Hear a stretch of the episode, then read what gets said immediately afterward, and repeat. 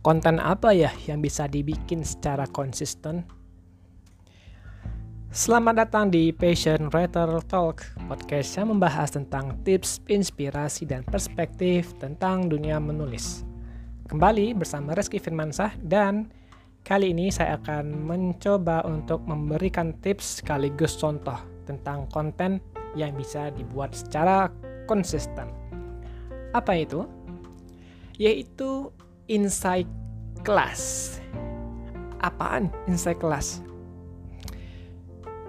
Insight class ini sederhananya adalah bagaimana cara kita memberikan apa ya, memberikan perspektif baru atau menuliskan ulang kembali apa yang telah kita pelajari dari sebuah pertemuan, entah itu kelas, seminar, workshop, kajian, baik itu online ataupun offline atau bahkan kamu bisa menuliskan insight Quran.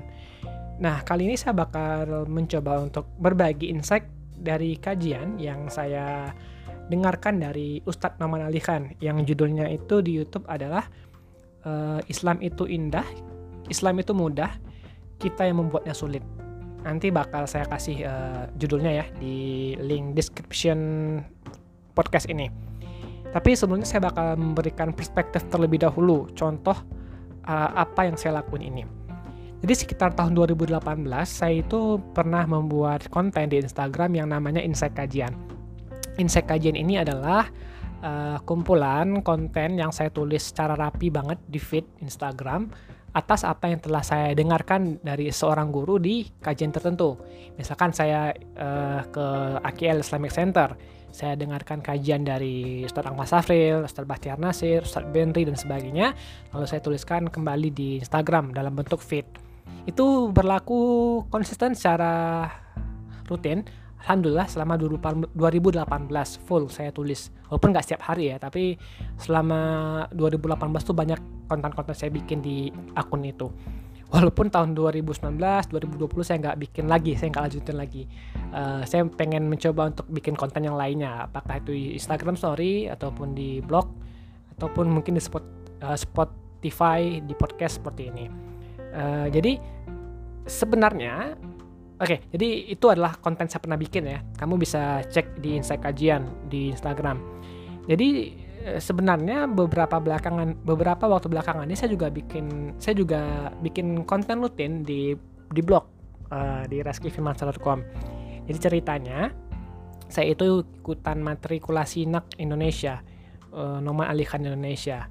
Jadi kami diwajibkan untuk membuat uh, matrikulasi atas konten yang bukan matrikulasi, tapi insight kajian dari apa yang kami dengarkan di kajian beliau di YouTube versi Indonesia-nya.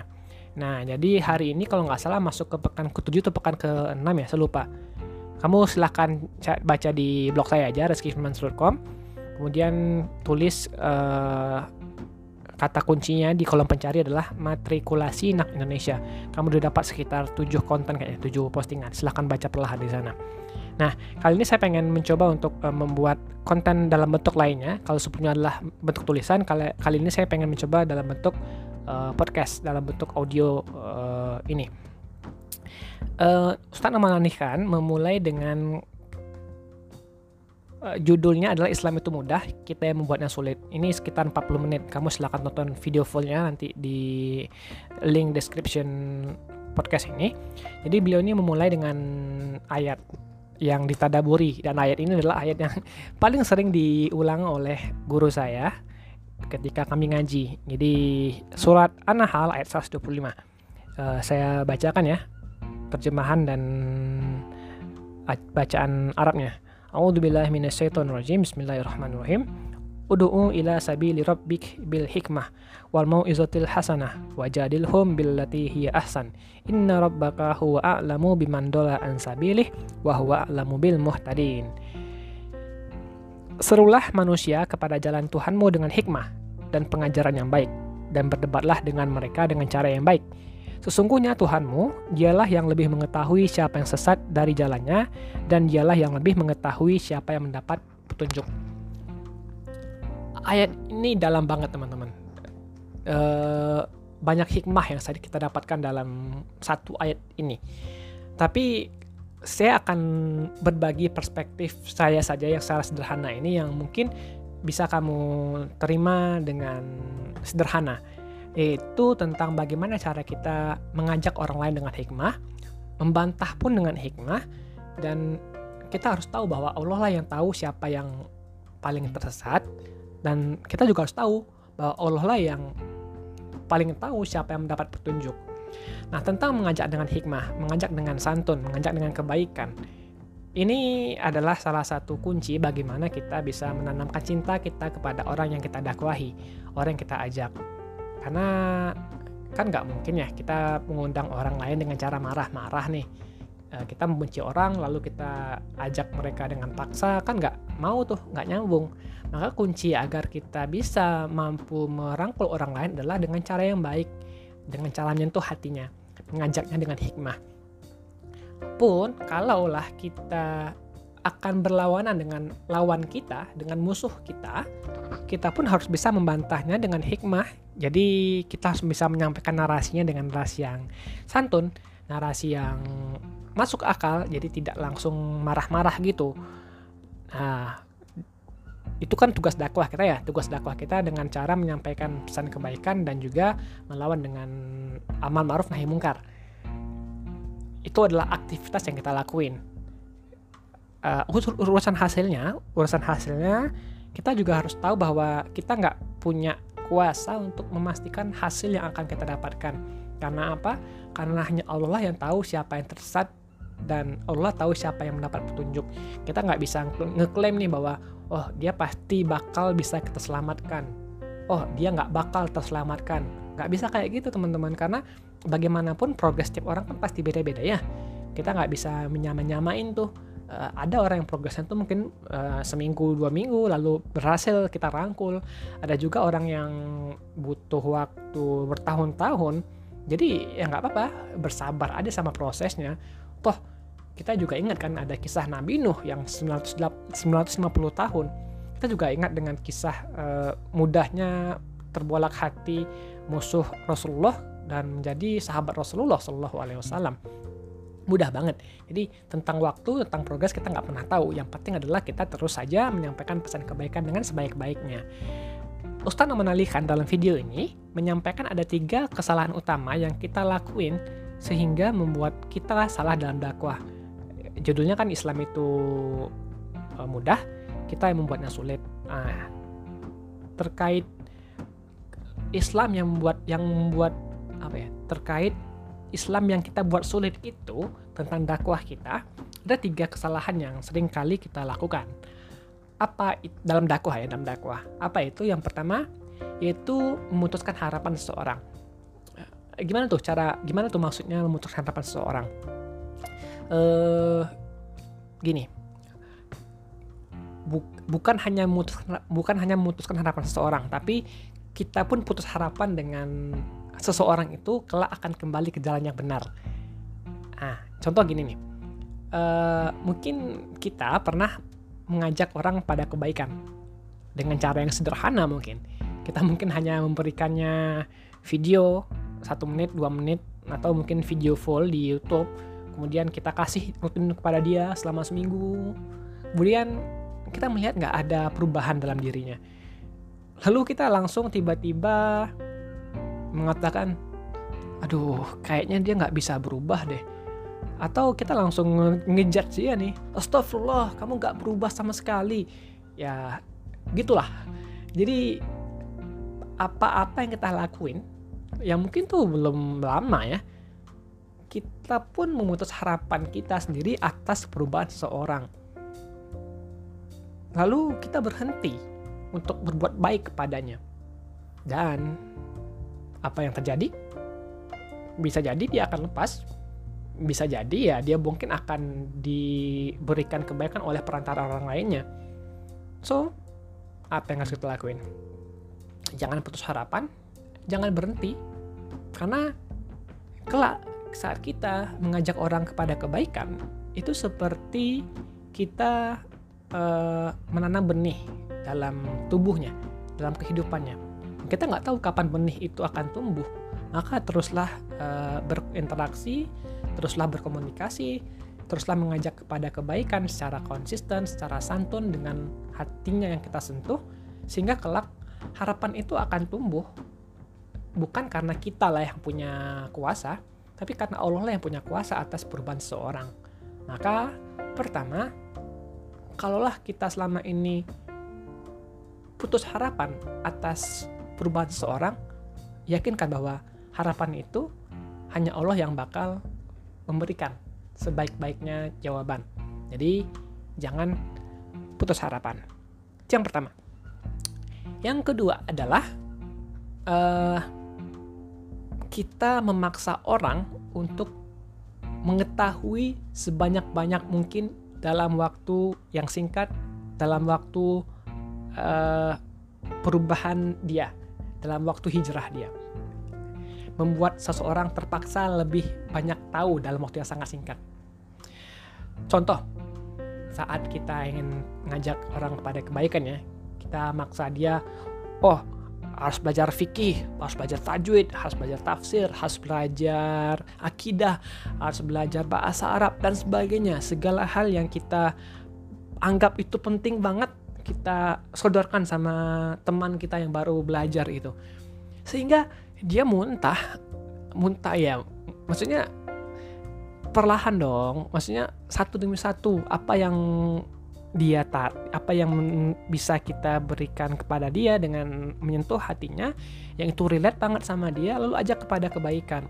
Nah, Ustadz Noman Ali kan memberikan contoh uh, kisah yang paling legendaris ya dalam Al-Qur'an yaitu Ashabul Kahfi Sabul Kafi ini uh, menurut penuturan beliau dalam berbagai referensi adalah kisah uh, pemuda yang di surah Al-Kahfi ya, kisah pemuda yang ada di antara zaman Nabi Isa alaihissalam dan sebelum masa Rasulullah Shallallahu alaihi wasallam sekitar 100 sampai 120 tahun sebelum Rasulullah Shallallahu alaihi wasallam diutus.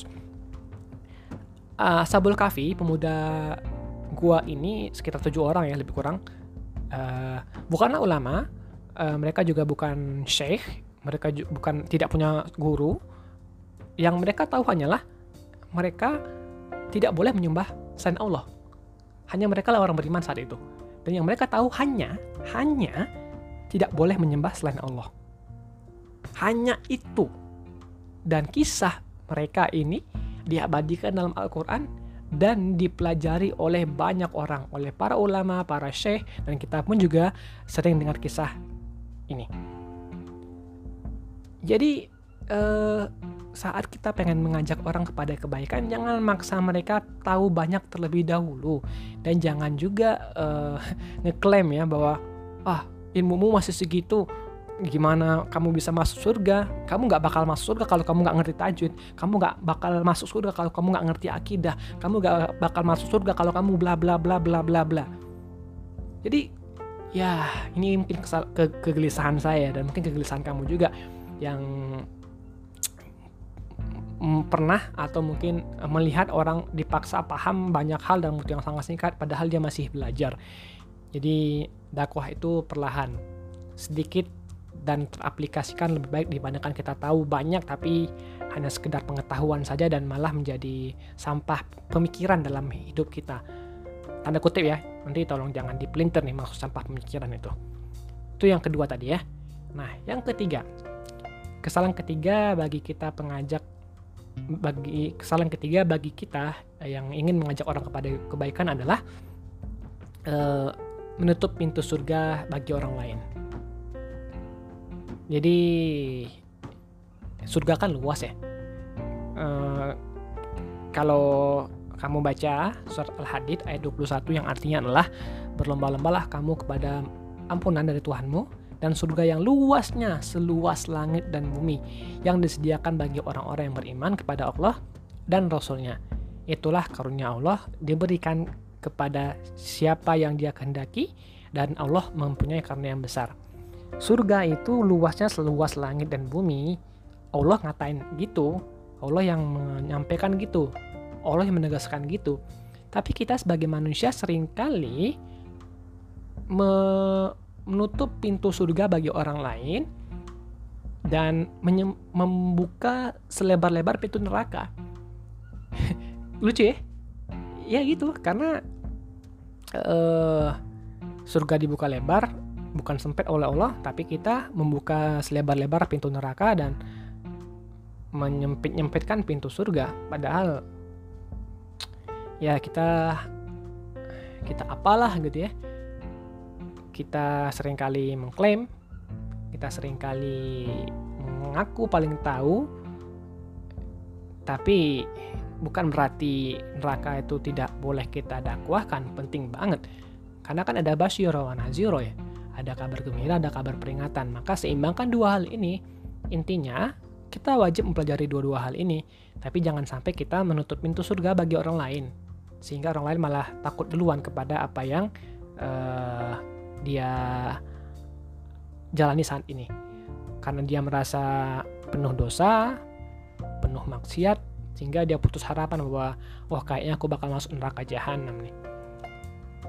Ya banyak lagi teman-teman insight yang didapat dari kajian Ustadz Namun Alihan ini. Kamu boleh tonton video lengkapnya yang di link description nanti ya di podcast ini. Uh, saya ingin izin untuk menyampaikan tiga pesan tadi saya ulangi lagi ya yang pertama adalah bagaimana tiga kesalahan kita sebagai pendakwah uh, dalam mengajak orang pada kebaikan adalah pertama, kita putus harapan dalam mengajak orang kepada kebaikan. Yang kedua adalah kita memaksa orang untuk tahu sebanyak-banyak mungkin di proses awal pergerakan awal mereka. Dan yang ketiga adalah kita menutup pintu surga bagi mereka. Selamat memaknai video ini. Saya sarankan banget teman-teman silahkan tonton video lengkapnya. Dan apa yang sampaikan ini hanya sangat sedikit dari apa yang beliau sampaikan. Dan apa yang baik itu datangnya dari Allah. Dan segala salah tentu datangnya dari saya. Semoga ini bermanfaat. Dan semoga kamu bisa meniru kebaikan-kebaikan ini. Yaitu bagaimana cara kita bisa membuat insight kelas, insight kajian, insight seminar atau apa pun yang bisa kamu ceritakan ulang dalam format yang sesederhana mungkin. Terima kasih dan sampai jumpa di podcast selanjutnya.